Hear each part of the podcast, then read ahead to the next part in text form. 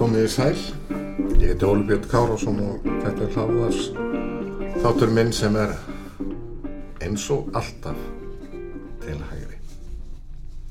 Það er að ræða um hattriði sem kom upp í hugan svona í aðdraðanda kjarasamninga.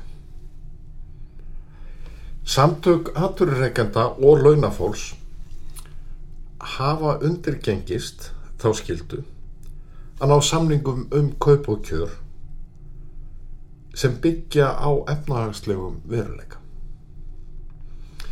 Með því eru bætt lífskjör best treyð, ekki síst þeirra sem lagastanda. Það er því engum til hagspóta, korki aturreikandum nýja launafólki, að verkalýsreifingin logi stafna á milli sé sundruð vegna íldeila eða persónulegra hjaðningavíða. Í aðdraðanda kjærasamninga brínir fórusta stjættafélaga kuttana.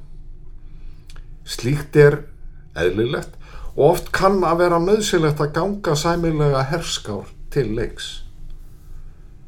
Auðvita hafa áður verið átök innan stjættafélaga, líkt og í mörgum öðrum félugum og samtökum við þekkjum flest slík átök.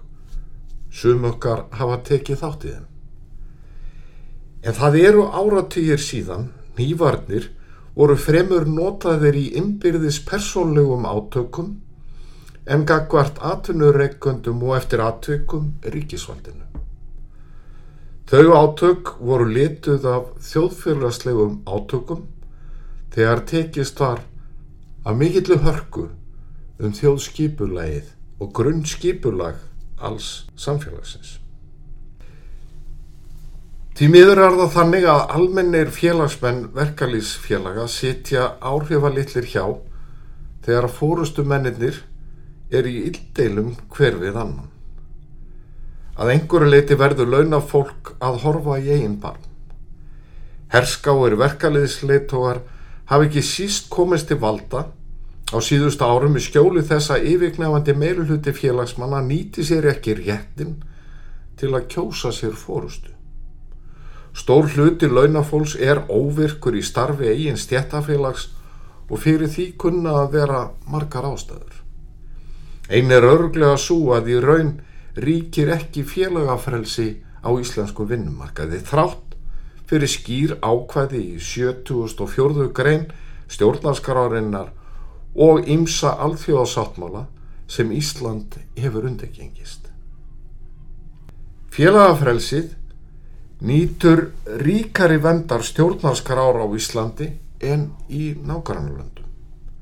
En almenn lögjöf hefur sett meiri skorður við rétt einstaklinga hér á landi en í öðrum landum til þess að velja sér félag eða standa utan stjættafélags. Vinnumarkanslögjöfin þrengir svo af félagafrelsi að ítla er hægt að halda því fram að launafólk hafi raunverulegt frelsi til að ákveða félagsaðild sína sjálft. Þrátt fyrir að launamanni sé heimilt að standa utan stjættafélags hefur laga umgjörið verið með þeim hætti að það valfrelsi er í raun engungu að nafninu til en ekki í raun. Þegar einhver er neittur eða telur sér neittan til eiga aðölda félagi eru meiri líkur en minni á því að viðkomandi hafi lítinn áhuga á starfi félagsins en með sinnuleysi sínu greiðir hann leið rótaklinga í valdastöður og veitir þeim aðgang að miklum fjármunum sem félagsmönnum er gert að greiða. Þeir eru þvingaðir til að greiða með góðu eða yllu. Afleiðingin er djúbstæður klopningur og yldeilur í fórustu sveit verkalis hreyfingarinnar og launafólkið sjálft greiðir kostnaðin. Óháð sundrungu innan Alþýðusambands Íslands er ljóst að komandi kjærasamningar verða floknir og erfiðir og eins og svo oft áður verður þess krafist að ríkisvaldið grípi til aðgerða til að samningar náist. Kröfunar verða miklar. Auka skal útgjöld á flestum sviðum, tryggja byggingu þúsunda félagslegara leigu íbóða og svo framvegis og svo framvegis. Listin verður langur. Það þekkjum við, það vitum við. Og það mun því reyna á ríkistjórnina og stjórnarflokkana á komandi vetri. Sveigurum til aukina útgjalda er lítið sem ekkert, ekki frekar en launa hækkana. En það breytir því ekki að því ymsum hætti getur ríkisvaldið rétt eins og sveitarfélögin búið til farveg fyrir kjærasamninga sem byggja á efnahagslegum veruleika. Allir vita, þótt einhver reyji erfitt með að viðurkenna það, að krónutöluhækkun skiptir launamannin engu ef hækkunin er jétin upp í verðbolgu og hækkun ofinbera skatta og gjalda.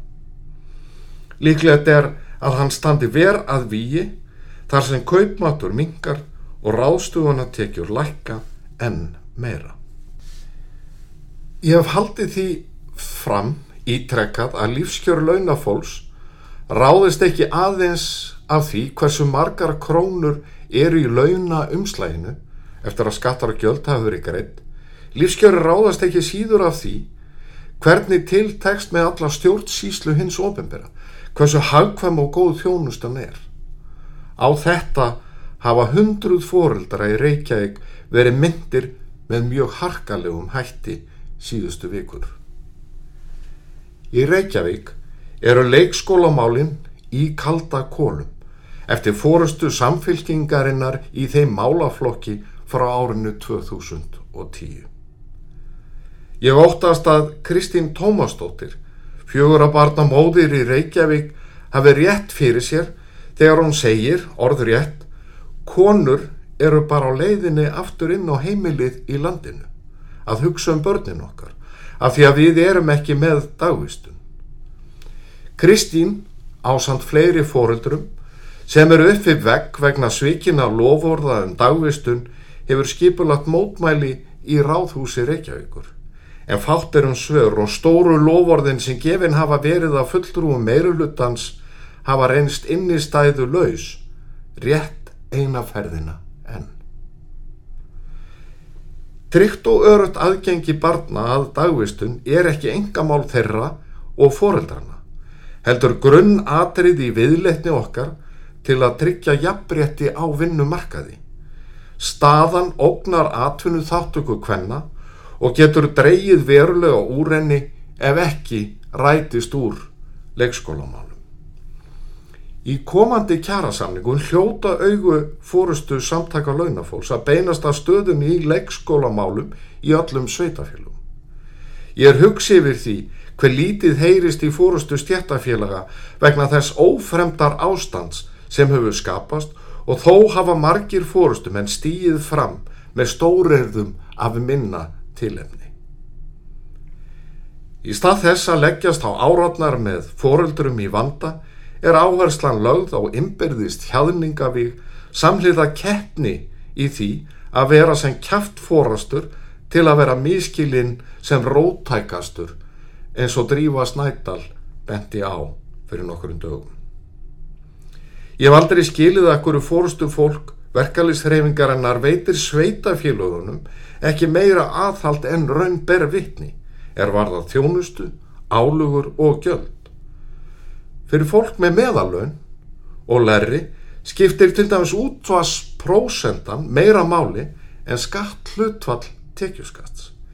Í heild greiðir Íslands launafólk meira í útsvar en tekjuskatt. En alveg sama hversu erfitt og flókið það verður að ná kjærasögningum mun það takast með einum og öðrum hætti að lókum. Kröfurnar sem gerðar verða samhliða á heiðu ofinbera og þá sérstaklega ríkisjóð verða margvíslegar eins og ég saði hér áðan. Skinsalegasta krafan sem samtug launafólks getur lagt fram gagvart ríkisvaldinu er að mörgu verði langtíma stefna í ríkis fjármálum sem takir mið af því að aukin hluti hagvastar á komandi árum verði eftir í vösum launafólks. Auðvitað fer kaldur hrollur um samfærða sósjalista þegar rætt er um að hlutvarsleg starð ríki samneislunar af þjóðarakökunni mingi þegar að kakan stækkar. Kökusneið ríkisins verður þrátt fyrir það stærri. Þetta heitir að slaka aðeins á klóni. Ég þakka þeim sem lítum. Eða góða stundir.